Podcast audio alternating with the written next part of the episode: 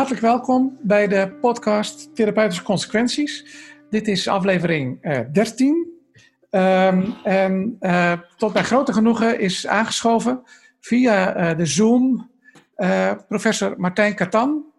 En dat betekent dat we dus gaan hebben over zaken als voeding, dieet en leefstijl. Martijn, hartelijk welkom bij de podcast Therapeutische Consequenties. Nou, heel leuk. Heel fijn dat je uh, met mij in gesprek wil gaan. Uh, het zijn rare tijden natuurlijk. Uh, we zijn um, hopelijk over de top heen van de coronaviruscrisis, maar nog steeds ehm, staan alle kranten, maar ook alle medische tijdschriften bol van ehm, de COVID-19-problematiek. En dat leidt soms tot rare zaken. allerlei artikelen die in preprint verschijnen. Eh, voordat er peer review gedaan is. Maar zelfs, ik weet niet of je dat gevolgd hebt, onlangs ook nog dat hydroxychloroquine verhaal in de Lancet, wat uh, toch ook teruggetrokken moest worden. Ja, van de Lancet verbaast me dat niet, maar dat de New England Journal erin gestonken is, dat, uh, daar schrik ik van. Tja, tja, ik moet zeggen, tijdens mijn vorige podcast had ik dat stuk van de Lancet wel besproken. En ook wel mijn verwondering erover uitgesproken dat ze in no time 97.000 patiëntendata geïncludeerd hadden. Maar tot mijn schande heb ik daar toch onvoldoende kritisch uh, op gereageerd. Maar goed. Um, ja, en ik zag dat ook jij een duit in het zakje gedaan hebt uh, uh, in je NRC-column over het al of niet zinvol uh, zijn van een dieet of voedingsadviezen bij de COVID-19-problematiek. Ja. Enfin, en daar blijken van, van dieetmaatregelen moeten we het niet hebben. Dat mogen wel duidelijk zijn als het gaat om. Nou, dat weten we niet. Wat er aan onderzoek aan gedaan is, is zo weinig en zo krakkemikkig. Dat uh, ja, het zou nog altijd kunnen dat wat je eet en hoe je eet je kans op infecties beïnvloedt. Maar solide data zijn er nauwelijks. Hetzelfde geldt eigenlijk voor bewegen, waar ook iedereen roept: als je maar beweegt, dan krijg je weerstand en zo. Ja, wat weerstand is, weet ik niet. Maar bewijs dat het infecties voorkomt, is heel dunnetjes. Maar wederom, het is nooit echt goed getest. Want ja, je kan bewegen niet patenteren, dus wie stopt er een miljoen in? Ja, ja. ook ontzettend lastig te onderzoeken natuurlijk, hè, dit soort zaken. Ja. Nou, dat is het probleem niet zo. Het is allemaal hmm. best te onderzoeken, met name bij infectieziekten, omdat je daar binnen korte tijd grote aantallen eindpunten kunt hebben. En er zijn miljoenen Nederlanders die in een half jaar een infectie krijgen. Nee, het is meer een kwestie van uh, je moet er stevig tegenaan gaan en dan moet wat geld zijn. Ja, ja, ja. Oh, interessante gedachte, ja. ja. Maar dan moet je het ook echt prospectief oppakken natuurlijk. Wil je er echt iets over kunnen zeggen, denk ik. Nou, je moet het al gerandomiseerd doen, dus in een trial. Precies, ja. Ja. Um, ja, voordat die hele COVID-19-hel um, losbarstte, om het zo maar te zeggen, had ik al een aantal artikelen uh, gevonden waarvan ik dacht: hé, hey, het lijkt wel of er de laatste tijd steeds meer over dieet en voeding gepubliceerd uh, gaat worden. Kan natuurlijk een bias van mij zijn, maar er waren me een aantal uh, artikelen opgevallen waarvan ik dacht: nou, dat is toch wel goed om die eens te bespreken. Te meer daar wij als internisten en als artsen in zijn algemeenheid natuurlijk nogal eens gevraagd worden om advies over, nou ja, wat is nou gezond eten, et cetera. En dan zeg ik in zijn algemeenheid, ach, u weet zelf ook wel wat gezond eten is. En dan hou ik mijn advies als een mediterraan dieet en niet te veel dit en niet te veel dat. Tamelijk oppervlakkig, zal ik maar zeggen. Um, maar goed, ik denk dat het toch leuk is om een paar van die artikelen eens eventjes nader te bekijken. En dan wil ik beginnen met een artikel uit de British Medical Journal, waar overigens wel veel van dit, dit soort artikelen in verschijnt, valt mij op. En dat is een groot onderzoek naar leefstijlfactoren en levensverwachting.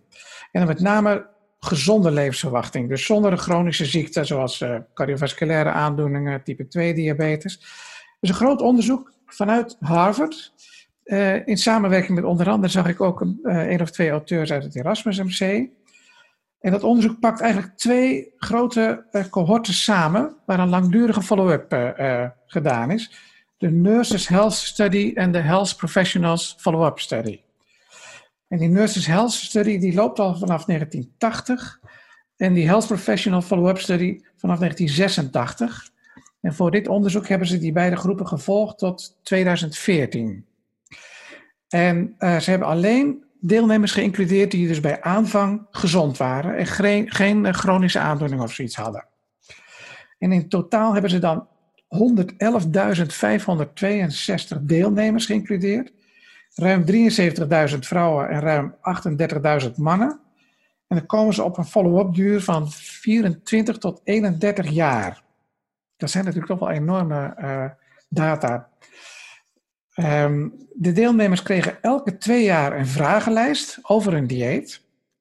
Maar ook over de mate van lichaamsbeweging, al of niet roken, alcoholgebruik en hun BMI.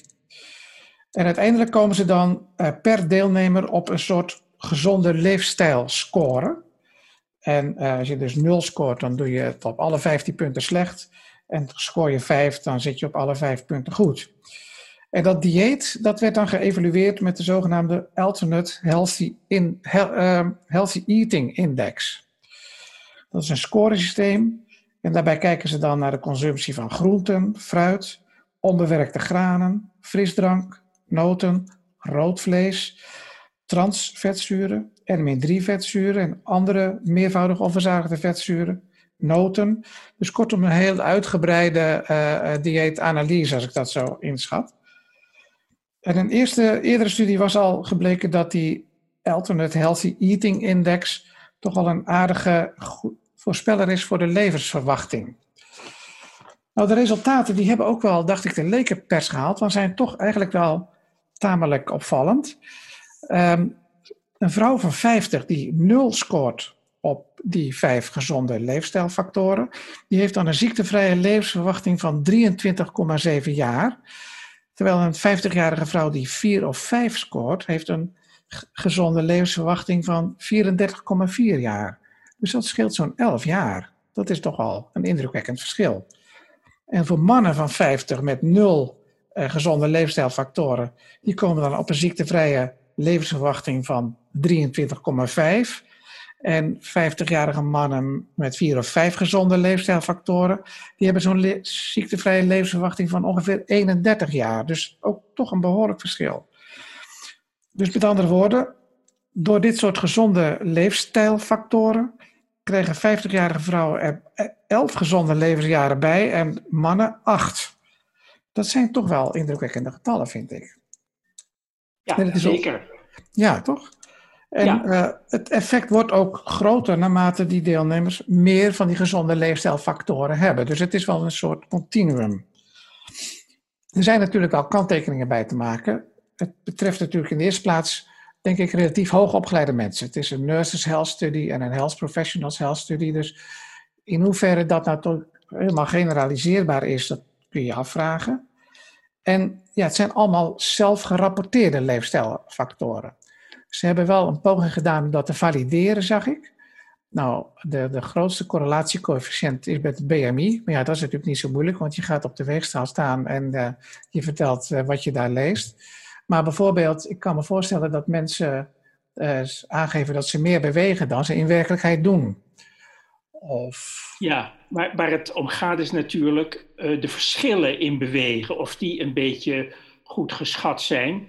Uh, en dan uh, denk ik dat de mensen die zeggen dat ze nooit bewegen, vergeleken met degene die veel bewegen, dat dat verschil wel reëel zal zijn.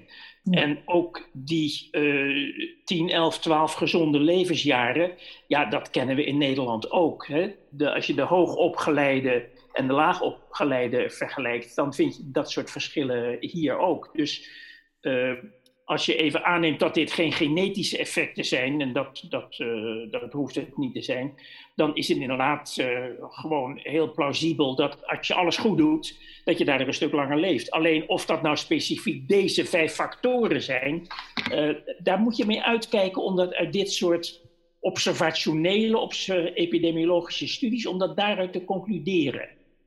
Ja, want het zou dus kunnen zijn dat een van die factoren een veel grotere rol speelt, of dat er nog weer andere factoren zijn die niet meegenomen zijn.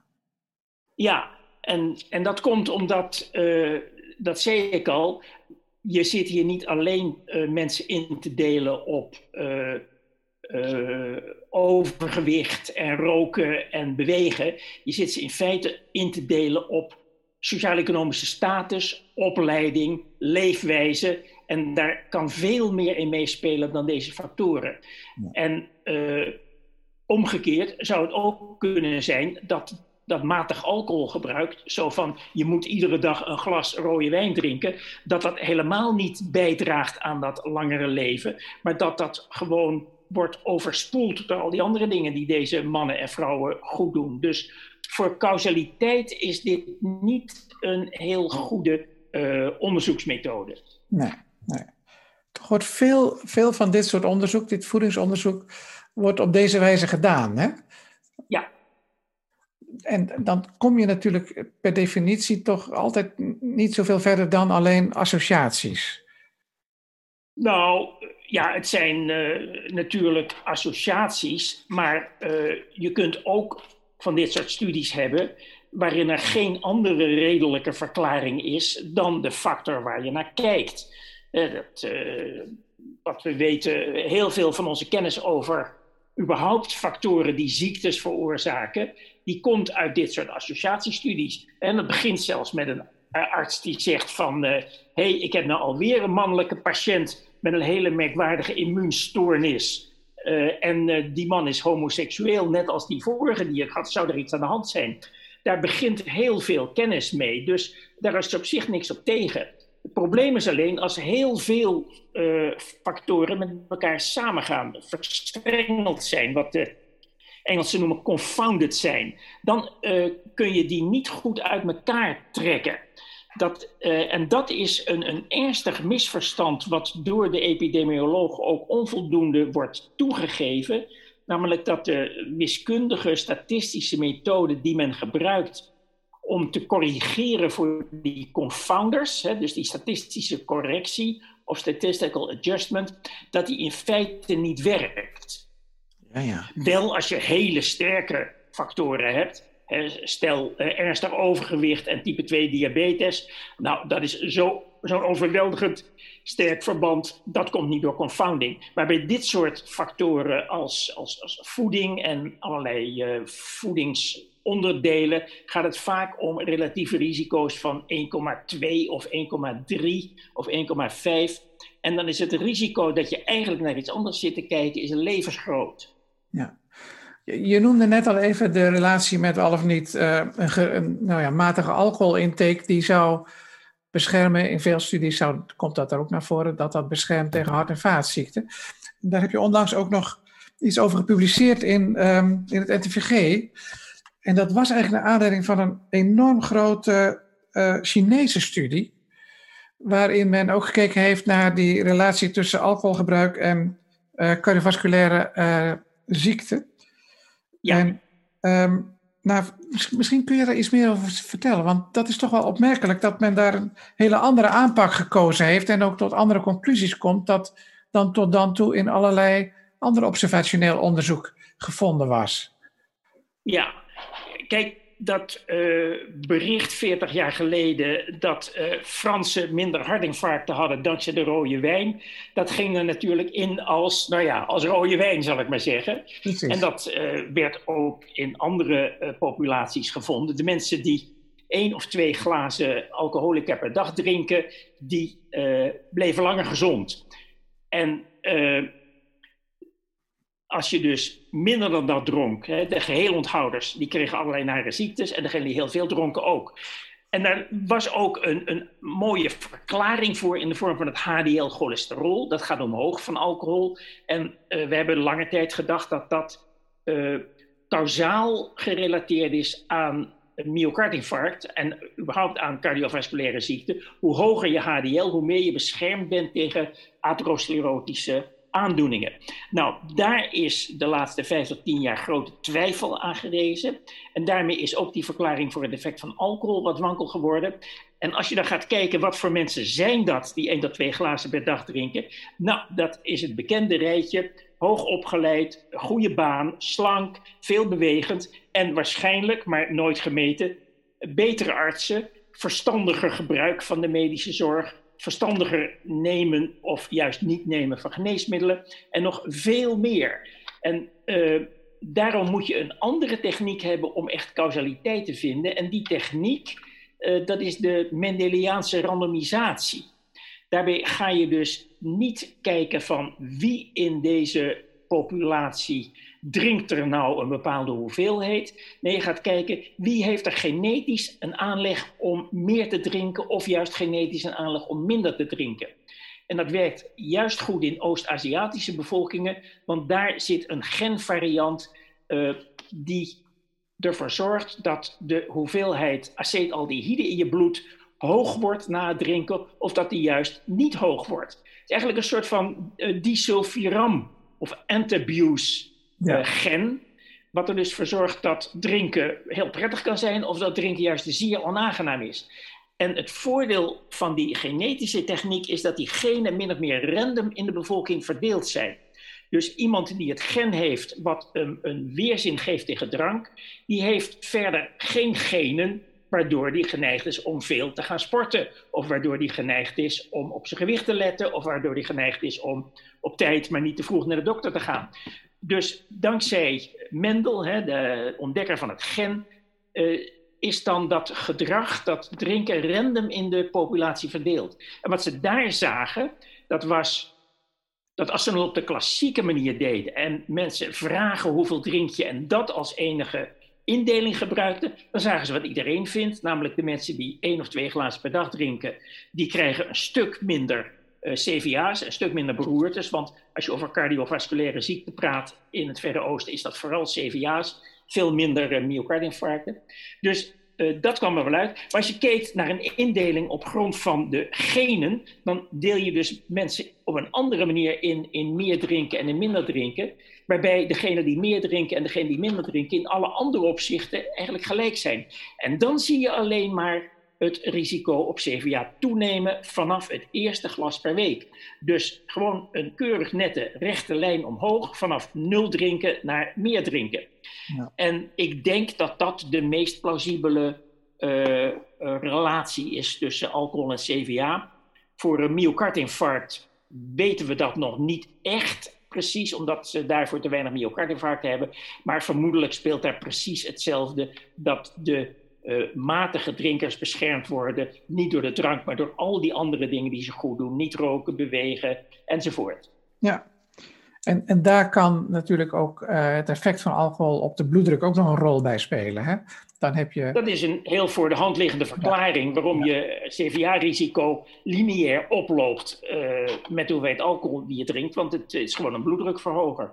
Ja, ja die, die aanpak, die Mendeliaanse uh, randomisatie, is dat iets waarvan je denkt dat zou, dat zou eigenlijk vaker toegepast kunnen of moeten worden?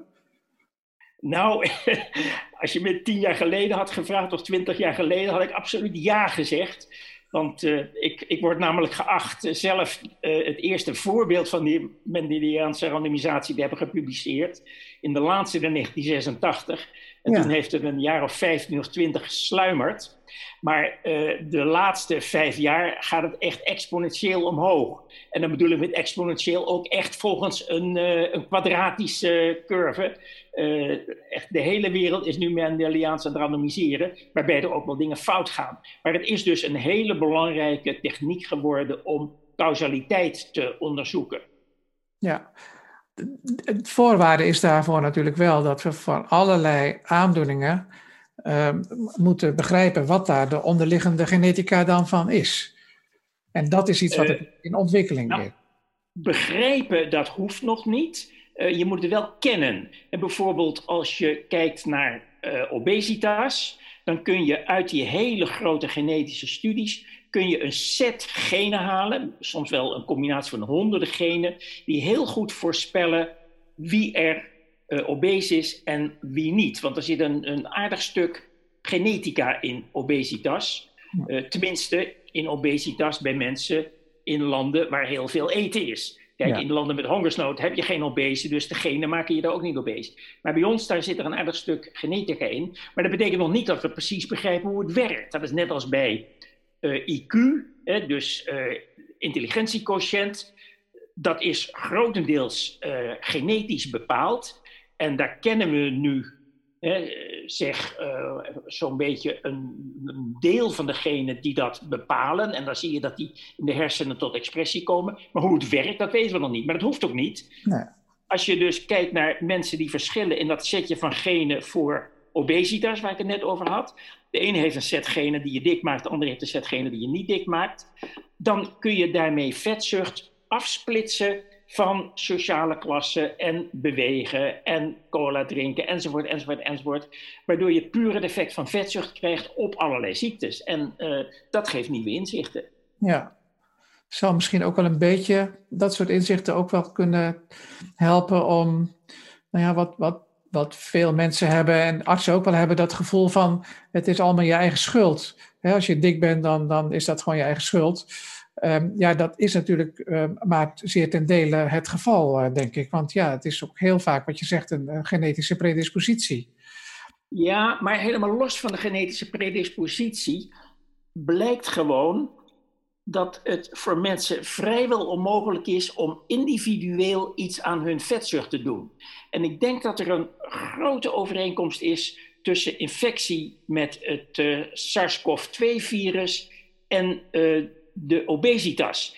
Uh, het gedraagt zich zelfs een beetje als een besmettelijke ziekte. In die zin uh, dat in Amerika hebben ze een experiment gedaan waarbij mensen random in de gelegenheid werden gesteld om te verhuizen van hun arme, uh, laag sociaal-economische buurt naar een meer welvarende buurt met bevoorrechte mensen.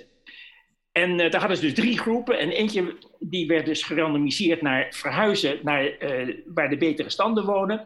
En dan zie je dat ze afvallen, dat ze duidelijk vermageren. Ja. Het is die omgeving die een groot effect heeft. En het is ook die omgeving die het voor mensen zo verschrikkelijk moeilijk maakt om er tegen te vechten. Als je kijkt naar het succes van vermageringspogingen, uh, dat is kleiner dan het succes bij afkicken van heroïne. En dat is dus niet een kwestie dat die mensen geen wilskracht hebben, want je ziet ook dikke mensen met een enorme wilskracht, uh, legergeneraals, uh, leraren, politici. Maar uh, dat eten, daar kunnen ze niet tegenop. Dus zelfs los van degene die ze opjagen om te eten, is de omgeving zo dikmakend dat je je daar niet aan kunt ontworstelen. En als je je niet in je eentje aan het coronavirus kunt ontworstelen. Dat moet de gemeenschap voor jou regelen dat dat minder circuleert. Ja, ja. Toch heb ik altijd het gevoel dat wij um, als uh, gezondheidsprofessionals, of we dat nou willen of niet. Um, kijk, het, het, is nog niet zo heel lang geleden dat internisten onderling het hadden over dikke, domme diabetes. En ja. nou ja, dat heb ik altijd moeilijk gevonden, want ik kwam ook heel veel mensen met diabetes en overgewicht tegen die ik helemaal niet dom vond. En, en naar mijn gevoel ook echt meer slachtoffer waren van hun aanleg, dan dat ze daar nou zelf zo heel veel uh, mogelijkheden hadden om daar echt iets aan te doen. Maar goed, zo'n verhaal. Maar, maar, je moet, maar, je moet, wel onderkennen, uh, dom is natuurlijk een scheldwoord. Precies. Maar uh, type 2 diabetes slaat wel toe bij de arme, ongeprivilegeerde mensen. En dat zijn in onze maatschappij de mensen die onder de IQ-score van 100 zitten. 50% van de mensen zit daarboven, 50% zit eronder. Ja. Degenen die eronder zitten zijn degenen die uh, doorlopend geconfronteerd worden met al dat uh, goedkope, lekkere eten waar ze niet tegenop kunnen. Die echt niet ergens wonen waar je even een rondje in het park gaat rennen. Daar wil je liever niet naar buiten. Enzovoort, enzovoort. Dus uh, ja, wat dat betreft klopt het wel. Ja. ja, en daarbij is dat. dat dat, dat, durven we vandaag de dag ook niet zo vaak te zeggen. Maar daarbij is natuurlijk uh, intelligentie eigenlijk gewoon een proxy voor hoog of laag opgeleid zijn. Want ja. Uh, ja, het werkt omgekeerd. Hè? Diegenen die bedeeld zijn met uh, de sneller draaiende hersenen, met, met de sneller draaiende processors in de kop, dat zijn degenen die een universitaire opleiding afmaken en de goede banen krijgen en in de goede buurten komen te wonen, enzovoort, enzovoort. Ja. Um, die hoogopgeleide uh, mensen die ik ook vaak op mijn spreekuur zie, die vragen mij dan: uh, moet ik nou een koolhydraatbeperkt dieet of een vetbeperkt dieet uh, volgen? En um, daar stond ook een stuk over in de JAMA, nog niet zo lang geleden. Ja. Een grootste studie, meer dan 37.000 deelnemers, ook weer zo'n observationeel onderzoek. En dat uh, put dan uit uh, de uh, National Health and Nutrition Examination Survey, NHANES. Ja. En um, nou, dat gaat dan, de, deze groep heeft dan een mediane follow-up van acht jaar. Grote studie dus ook, ook weer met vragenlijsten en allerlei andere leefstijlfactoren. En dan blijkt dat het voor de totale mortaliteit, dus dat is het, het eindpunt in deze studie, de totale mortaliteit, dan maakt het dus kennelijk niet uit of je nou een low carb of een low fat dieet gebruikt.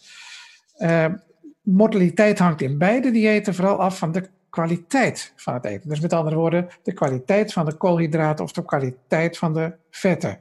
Dus onverzadigde vetten geven een lagere mortaliteit dan verzadigde vetten. En koolhydraten uit groente en fruit geven weer een lagere mortaliteit dan koolhydraten uit zetmeelproducten of geraffineerde suikers. Ik vond het een beetje een lastig te lezen artikel, moet ik heel eerlijk zeggen. Want ze, uh, ze geven dus eigenlijk alleen maar uh, de hazard ratios.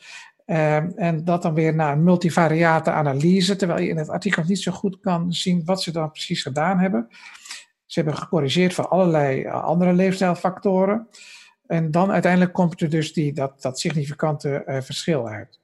Het voorbeeld, ze hebben bijvoorbeeld iemand met een low carb dieet versus een, uh, en dan ongezond low carb versus gezond.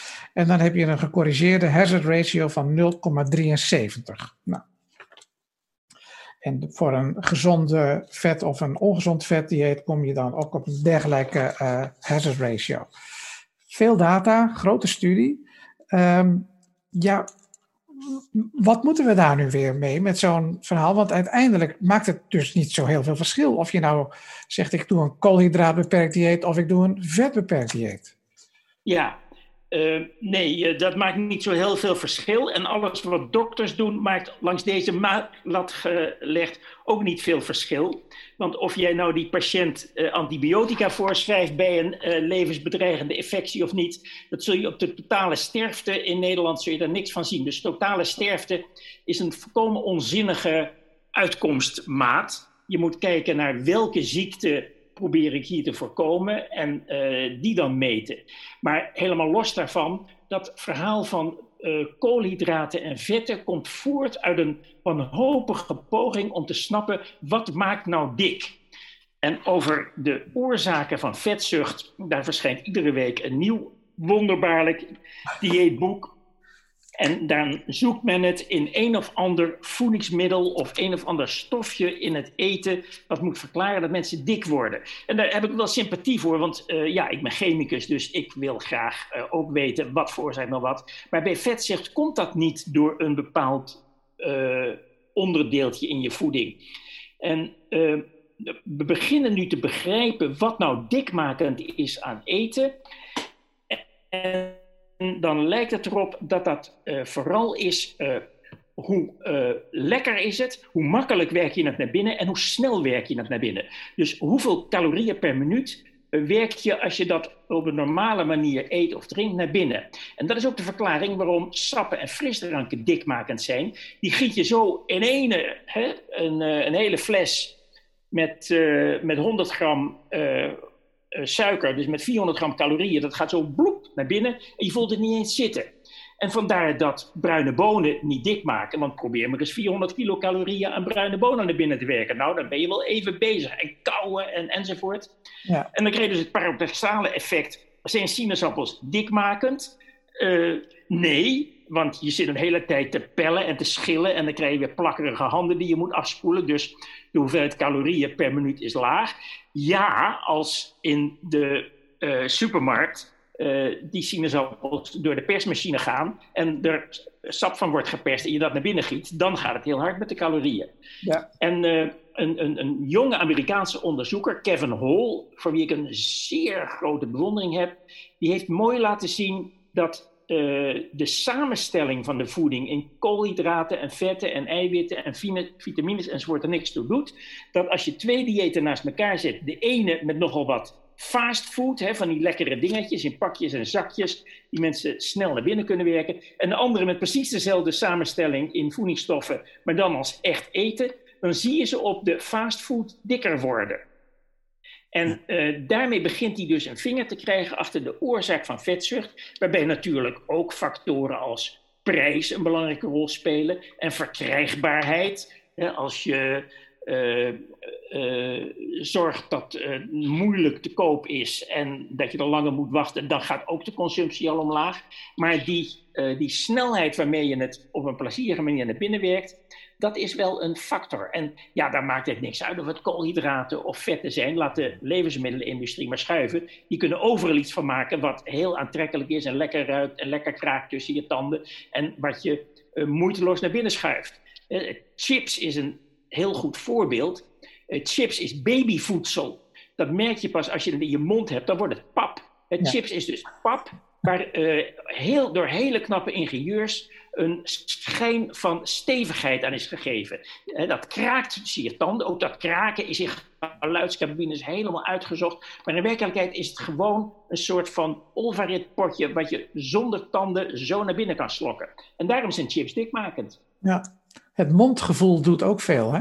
Dat is ook een onderdeel van ja, het, Ja, het mondgevoel, geluiden, geuren, uh, kleuren, verpakking. Hoe makkelijk je het in je zak kan uh, stoppen. Hoe makkelijker je het met één hand kan eten en dus met andere je stuur kan vasthouden. Uh, dat zijn allemaal factoren die ertoe leiden dat mensen er meer van eten. En dat er dus meer van verkocht wordt en meer aan wordt verdiend. Want daar gaat het allemaal om. Ja, nou ja, dit zijn op zichzelf toch wel uh, hele belangrijke inzichten. Zeker als, als, als ons weer eens gevraagd wordt van wat is nou gezond, dokter? Nou ja, dat zou ja. al een, een, een, nuttig advies kunnen zijn natuurlijk. Hè? Om zo min... ik denk het niet. Nee? Ik denk niet dat je als individuele in de, dokter in de spreekkamer veel bereikt. Hmm. Want het is eigenlijk zo dat er komt een goudvis op je spreekuur die zegt: Ik wou de Noordzee oversteken. Hebt u nog adviezen? En dan zeg je: is, Dan is je advies: pas op voor zout. Dat kan die goudvis niet als die in die Noordzee komt. En die patiënt die wordt weer teruggegooid in die zee vol met lekker eten. En uh, die loopt dus weer vol. Er is wel een andere manier waarop je als dokter een belangrijke bijdrage zou kunnen leveren, maar dat is eigenlijk niet je vak. Dat is uh, via het beïnvloeden van je stad of je wijk of, of uh, de regering. En dan is het belangrijk om je te realiseren dat er geen enkele beroepsgroep of geen enkele groep mensen in Nederland is voor wie de mensen zoveel bewondering hebben en waar ze zoveel vertrouwen in hebben als in dokters. Dat is wat er iedere keer komt uit solide enquêtes, ook van het Ratenau Instituut. Mensen vertrouwen hun dokter meer dan wie dan ook. En ook als je als dokter zegt van nou, vanavond ga ik even niet aan mijn brieven werken. Vanavond ga ik naar de inspraakavond van de gemeenteraad. Dan vind je daar een gemeenteraad die, die hongert en dorst naar iemand die er verstand van heeft, waar ze vertrouwen in hebben en die ze niet iets komt verkopen. En daarom kun je langs die weg wel invloed hebben op het obesitasprobleem. Namelijk door te zeggen, jullie moeten fietspaden aanleggen en niet nog meer snelwegen. En jullie moeten uh, die vergunningen voor die fastfoodwinkels intrekken. Dat wordt van een dokter veel serieuzer genomen dan van wie dan ook. En vind jij dat wij als artsen een beetje in dat opzicht onze plicht verzaken? Nee, artsen werken zich te pletter en die zijn hier niet voor opgeleid. Hmm. Maar als je het idee hebt van ik wil er toch iets aan doen, kun je met een beperkte inspanning kun je heel veel doen. Als je vindt dat Albert Heijn de snoeprepen niet op kindhoogte moet leggen, dan kost het heel weinig tijd om uh, met zeg uh, 30, 40 artsen een brief op te stellen aan de plaatselijke Albert Heijn en te zeggen wij vinden dat u dat niet moet doen. Nou, dan gaan daar alle sirenes gaan af van alarm. Dokters die vinden dat we iets verkeerd doen. Onmiddellijk beraad en onmiddellijk iets eraan doen. En langs die weg kun je dus met een hele kleine tijdsbesteding een groot effect bereiken. In de zogenaamde CAN-METS, dat, uh, dat, is, uh, dat zijn de competenties waarin wij ons uh, vak opdelen, hè, dus medisch handelen, communicatie, samenwerking, valt dit onder de, de, de competentie maatschappelijk handelen, denk ik. En, Ach, er is zelfs al een, een term voor. Word je ervoor betaald als je maatschappelijk handelt? Ik vrees van niet. um, ik kwam nog een ander aardig artikel tegen in ditzelfde kader. Um, is het nou wel of niet gezond om eieren te eten? Ook altijd zo'n uh, hot item. Ja. Of je kunt ook zeggen van hoeveel eieren eten is nou nog gezond? Ook alweer een stuk in de British Medical Journal. En ook weer van diezelfde groep uit Harvard.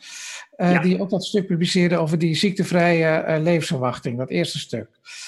Ehm, en in dit stuk hebben ze eigenlijk dezelfde grote cohorten bekeken weer. Dus de Nurses Health Study, daar hebben ze kennelijk een Nurses Health Study 1 en 2 van.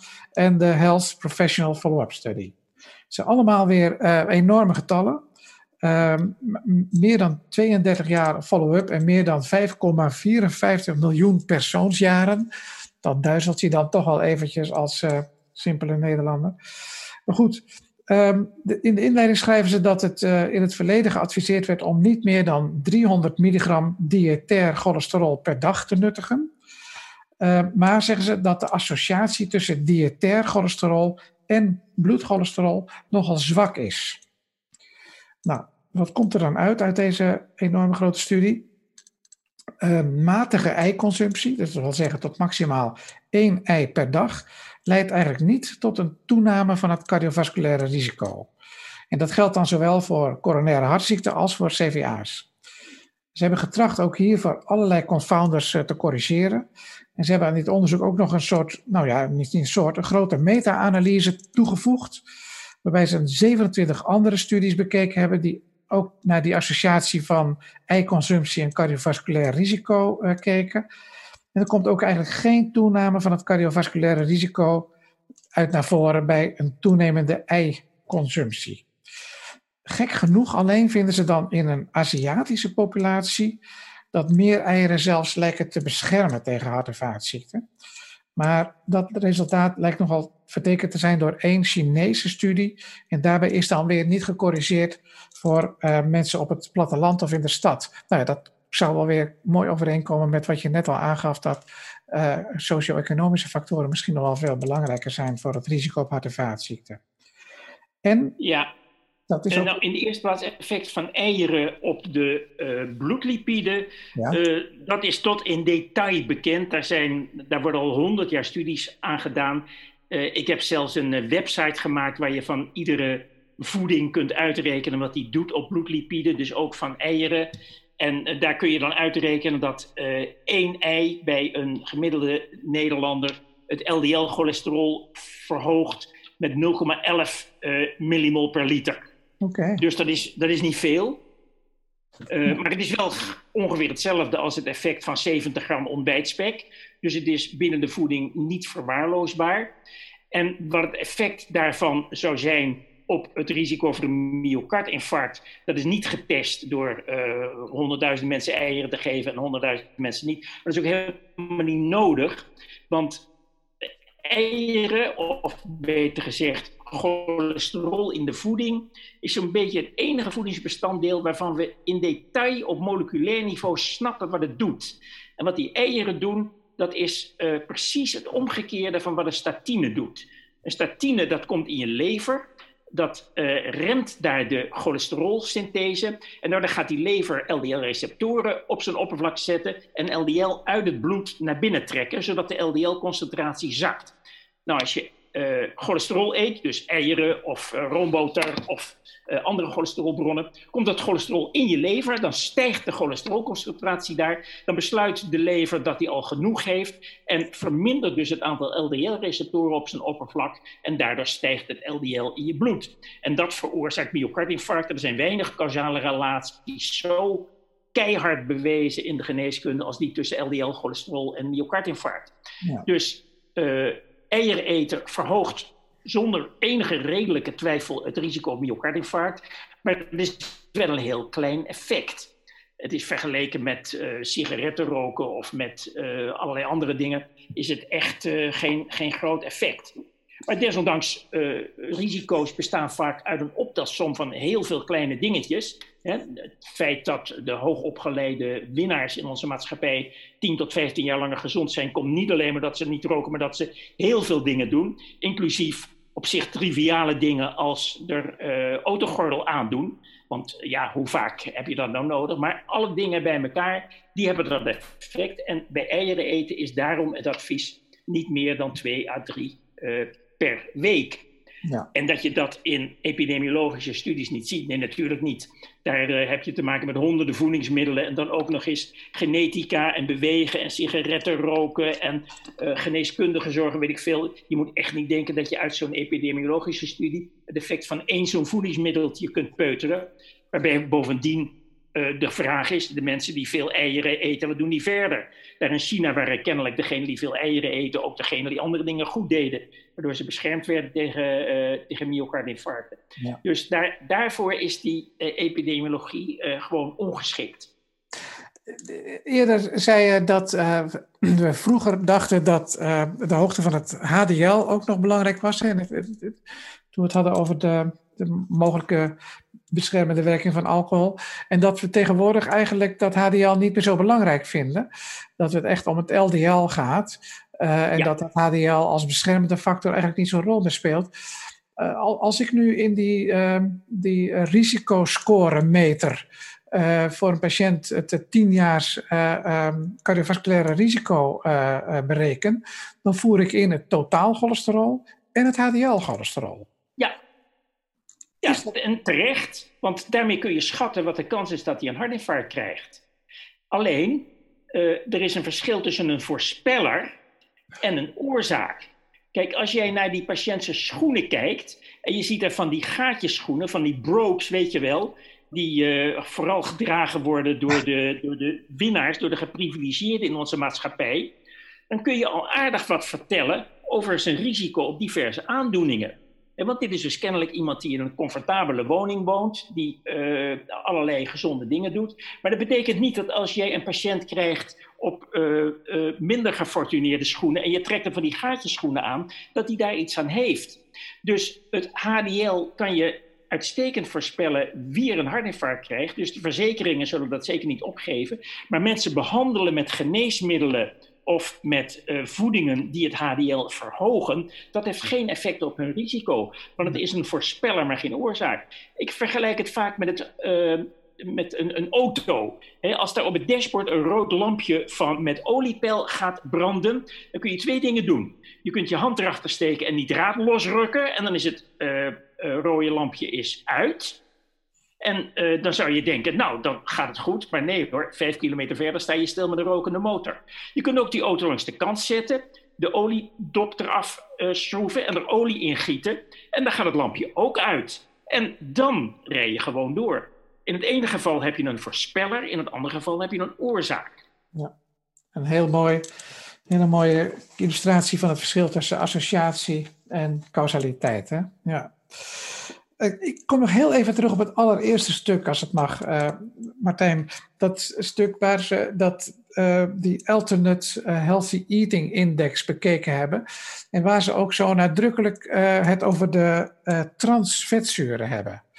Ja. En ik weet dat jij daar veel aan gedaan hebt.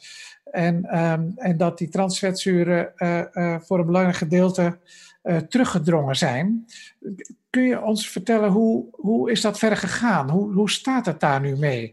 En wat zouden de effecten geweest zijn van het terugdringen van die transvetzuren in de voeding? Nou, wij, uh, Ronald Mensing en ik publiceerden in 1990 dat transvetzuren het LDL verhogen en het HDL verlagen. En toen dachten we nog dat ook dat HDL belangrijk was. Ik heb aan HDL 40 jaar van mijn leven gewijd, dus een beetje droevig dat het nu allemaal voor niks was, maar zo gaat het in de wetenschap. Maar um, uh, Unilever, die uh, ons had geholpen met die studie, vooral door ons de uh, margarines en de vetten te speciaal te fabriceren die we nodig hadden om dat echt kausaal te bewijzen, die hebben een paar jaar later al gezegd van nou, als dat zo is, en het was toen bevestigd door onderzoekers in diverse landen, in Australië, in Noorwegen, dan gaan wij dat spul uit onze producten halen, want we willen daar geen glazer mee. We weten dat nu, er is nog geen grote stennis over, we gaan dat eruit halen. En dat is ze door hun uh, collega's of concurrenten niet in dank afgenomen. Want die zeiden, we hebben dat transvet nodig en uh, dat doe altijd. Maar uiteindelijk heeft Unilever dat gewonnen en is in de hele wereld het transvet verwijderd uh, uit voedingsmiddelen. Of de hele wereld, in een groot deel van de wereld. Ook dankzij onze collega's van Harvard, die hier sterk op hebben aangedrongen. En uh, dat heeft ongetwijfeld wel geleid tot meer gezondheid en tot minder myocardinfarcten. En op dit moment is in Nederland, maar ook in andere landen, de enige bron van transvetzuren is wat er gevormd wordt in de magen van koeien en van schapen. Daar vindt een vergelijkbaar proces plaats als destijds in die margarinefabrieken. En daardoor krijg je kleine beetjes transvet in kaas en in roomboter en in, en in rundvet. Maar dat zijn kleine beetjes die, uh, die voor de gezondheid volgens mij niet heel relevant zijn. Um, dus het, het heeft zeker een effect gehad.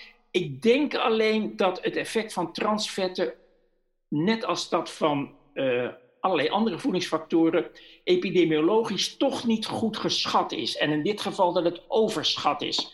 Want die enorme uh, sterke verbanden tussen transvet eten en de kans op een hartinfarct, die zijn eigenlijk niet goed te verklaren en ook niet heel plausibel. Dus ja, transvet is slecht. Uh, waarschijnlijk niet zo slecht als sommige mensen denken. Maar in ieder geval, het probleem is opgelost, dus het is verleden tijd. Ja, oké. Nou. Ik denk dat we een aantal uh, ja, toch wel hele relevante uh, zaken uh, met betrekking tot wat we laatst in de literatuur zijn tegengekomen hebben kunnen bespreken. Dank voor je hele kritische en nuchtere beschouwing over het een en ander. Wordt zeer op prijs gesteld. Um, hoe ik nu straks in die spreekkamer het een en ander toch weer ga toelichten. Ik denk toch dat het allerbelangrijkste is gezond eten. U weet zelf ongeveer wat dat is. Vooral uh, gezond verstand gebruiken. Dat is misschien nog wel het, het allerbelangrijkste. En ja, inderdaad, al die, die, die, die snelle suikers, die snelle hapklare brokken, probeer dat te vermijden. En liever een sinaasappel dan een uitgeperste uh, sinaasappel, et cetera. Dat zijn, dat zijn op zichzelf natuurlijk simpele adviezen. Maar vaak blijven wij als artsen en, toch mocht iemand het nog eens willen nalezen, ik heb daar twee boekjes over geschreven, die ook door artsen zeer worden gewaardeerd en die je op je telefoon kan zetten. En dat helpt misschien om snel even het, uh, het antwoord te vinden. Ja, een van die boekjes heet, meende ik, Wat is nu gezond? Ja, en het ja. andere heet Voedingsmythes. Ja. Toen ik een van die boekjes gelezen had, daarin las dat een, een broodje kroket eigenlijk gezonder is dan een broodje kaas. Nou, dat was voor mij ook echt uh, een geweldige eye-opener, want ik was helemaal geen liefhebber van brood met kaas, dus kon je nagaan. Ja, vandaar dat ik nog steeds graag een broodje kroket neem. Heel veel dank uh, voor je bijdrage aan deze podcast. En, Graag gedaan, Willem. Dit was dus uh, therapeutische, afle sorry, therapeutische consequenties aflevering nummer 13. Het is een iets, andere af, uh, iets langere aflevering geworden dan u van mij gewend bent. Uh, maar ik denk dat er veel heel relevante onderwerpen de revue gepasseerd zijn. Um, via Zoom, dat beviel me goed. Af en toe hoor je een kleine hapering in uh, de audio, maar ik denk niet dat dat uh, hinderlijk is. Oké, okay, uh, referenties zijn terug te, zien, terug te vinden op de website www.therapeutischeconsequenties.nl. En de eindtune is weer in handen van Corrie van Binsbergen van haar prachtige plaat Self Portrait in Pale Blue. Tot de volgende keer.